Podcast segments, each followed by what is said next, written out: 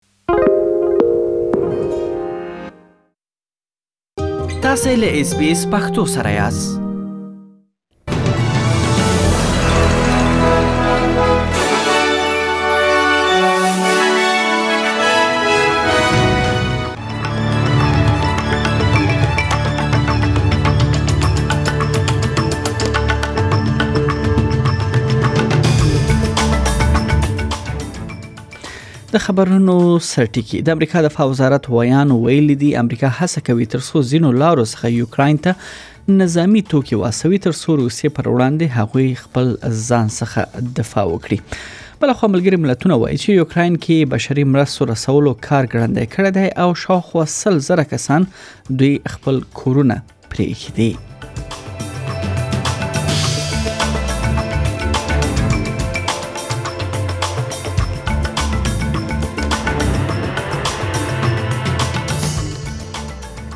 بلخوا روسیه چې د امنیت شورا یا د ملګرو ملتونو د امنیت شورا یو له 15 غړو یا دایمي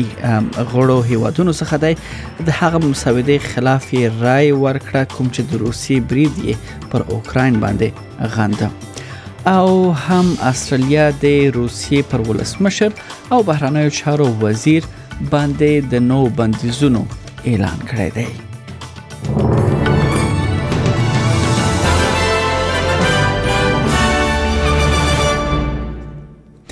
او دا هم بشپړ خبرونه د امریکا دفاع وزارت ویاند جون کیربي وایي امریکا هڅه کوي تر څو ځینو لارو څخه یوکراین ته نظامی توکي واسوي تر څو روسیې پر وړاندې له خپل ځان څخه دفاع وکړي روسیې له پنځشنبه راهیسې د اوکراین نیولو پوځي عملیات پیل کړي دي او جګړه پلازمینه کیف ته رسیدلې I'll be very clear here. We are going to provide additional security assistance for Ukraine. We will. How that is going to be done is still being worked out. Uh, I think we're looking at all kinds of different ways uh, to continue supporting uh, Ukrainian armed forces, uh, and we're uh, we're not taking anything off the table with respect to, to how that how that might manifest itself going forward. بلخوا ناټو او امریکا د ناټو غړو هیوادونو سرحدونو کې زرګونه پوځیان ځای پر ځای کړي دي تر څو روسیې لخوا ناټو هیوادونو ته خطر مخکې نشي ملګری ملتونه وايي یوکرين کې بشري مرستو رسولو کار ګړندی کړی دی پر اوکراین باندې روسي برید وروسته سل زره اوکرانیان خپل کورونه پریښي دي بلخوا اروپا وايي کېدای شي 15 میلیونه کسان له یوکرين څخه اروپا ته کډه شي Today in Ukraine, despite growing operational challenges, the UN is scaling up the delivery of life saving support, including in the eastern part of the country, on both sides of the line of control. Humanitarian needs are multiplying and spreading by the hour. Civilians are dying. At least 100,000 Ukrainians have already reportedly fled their homes, with many crossing into neighboring countries, underlining the regional nature of this growing crisis. ملګرو ملتونو لخوا یوکراین کړکیچ لپاره ټاکل شوی ډیپلوماټ له دواړو لوریو غوښتي دي تر څو خبرو ته کینی بل خو د ملګرو ملتونو امنیت شورا کې د روسیې د هغې مسودې خلاف یعنی روسیې خپل رائے ورکړه چې له روسیې څخه غوښتل کېده تر څو د پر یوکراین باندې له برید څخه لاس واخلي چین عرب امارات او هند هم یاد مسودې حق کې لرای ورکولو ډډه کړې ده د استرالیا بهرنیو چارو وزیرې مریس پاین ویل دي چې استرالیا پلان لري ترڅو پر روسیې ولسمشر او بهرنیو چارو وزیر سرګي لاوروف باندې بندیزونه ولګوي امریکا انګلستان اروپאי ټولنه او کاناډا لا د مخه د بندیزونو لګولو اعلان کړی دی استرالیا له دې وړاندې د روسیې پر 309 دیش پارلمان غړو شتمنو کسانو او هم د بلاروس پر ځینو دولتي چارواکو بندیزونه لګولې دي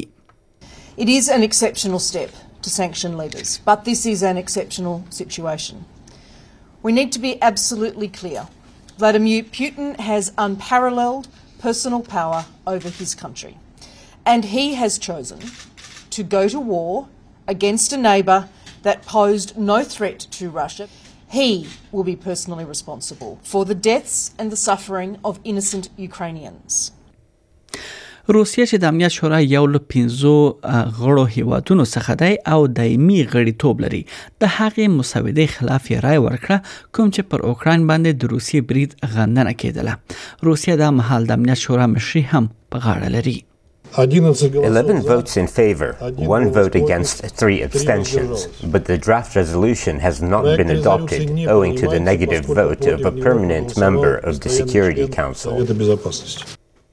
درې هیوادونو چین، هند او عرب اماراتو پر یاد مسودې رای ورکولو څخه ډډه وکړه.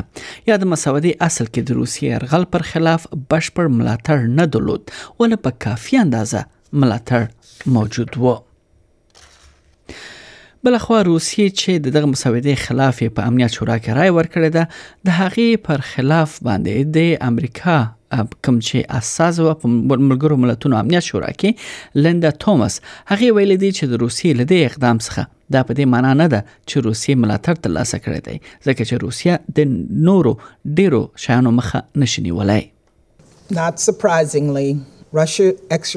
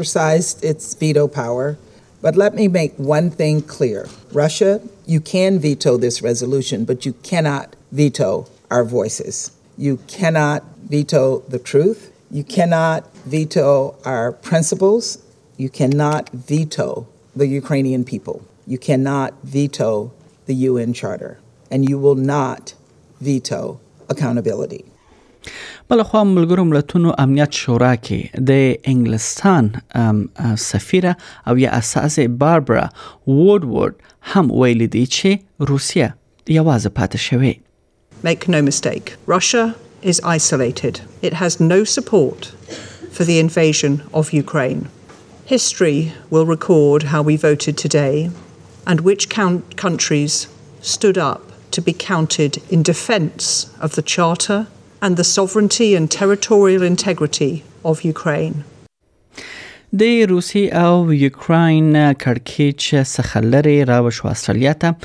استرالیا ته او هم د کورونا وایرس لګیدلي بندیزونو په اړه ځینې پریکړې شوې دي لومړی دا چې د استرالیا ختیځ لور ته ایالتونه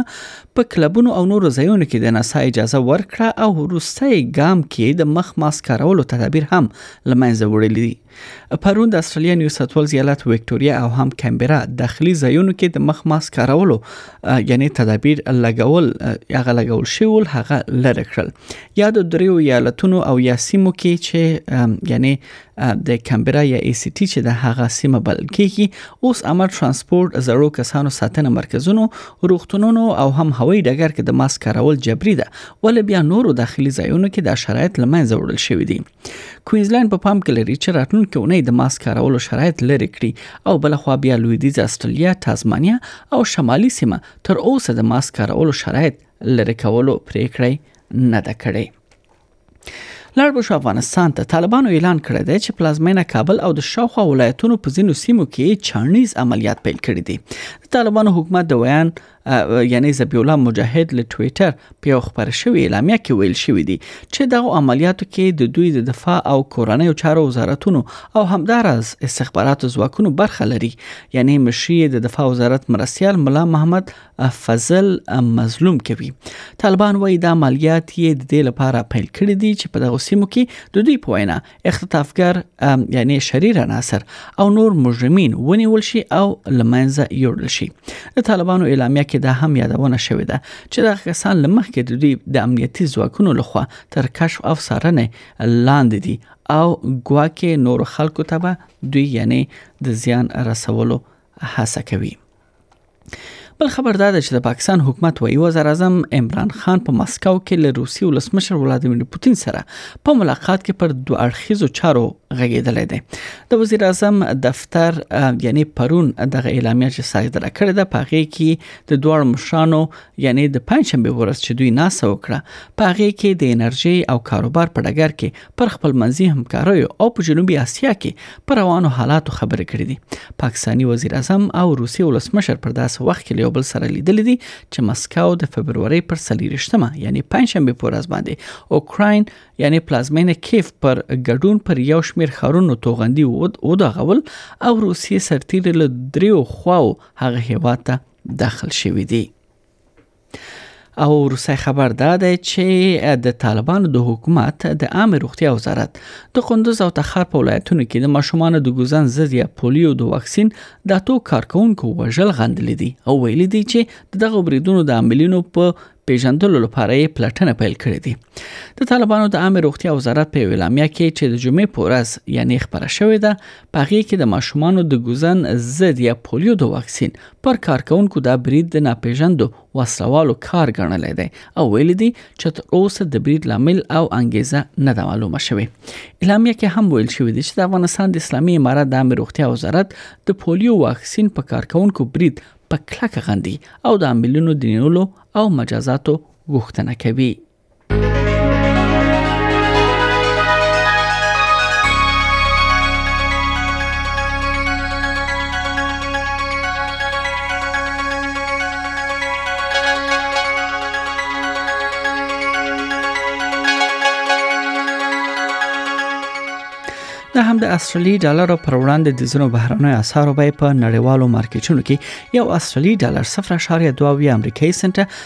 صفر اشاریه سلور شپېته یورو سنټه یو استرالی ډالر